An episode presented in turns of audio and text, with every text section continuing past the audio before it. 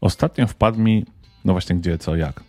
Gdyby to była gazeta, to wpadłby mi w ręce artykuł. Ale, że było to na pewnym portalu, no to nie wiem. Tak czy inaczej, chciałem się z wami nim podzielić, a link do niego znajdziecie w opisie. Otóż w tym artykule została przedstawiona lista najczęściej zatrzymywanych samochodów. Niestety nie podano, czy kolejność ma jakieś znaczenie, ale wydaje mi się, że bardziej jest ona alfabetyczna. Więc listę otwiera Audi. Powody są dwa. Z jednej strony są to liczne kradzieże nowych modeli, a z drugiej opłakany stan tych starszych. Drugie na liście jest oczywiście BMW. I tutaj podwody są również dwa.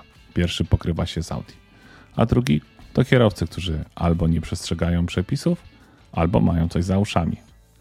Czy na własnej skórze to odczułem? Zdecydowanie nie. Lexus.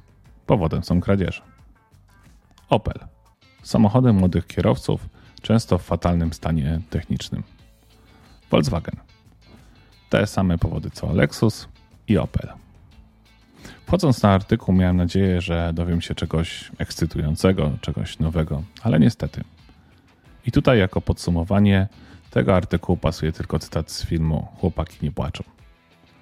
A przydałoby się trochę polotu i finezji w tym smutnym jak pizda mieście.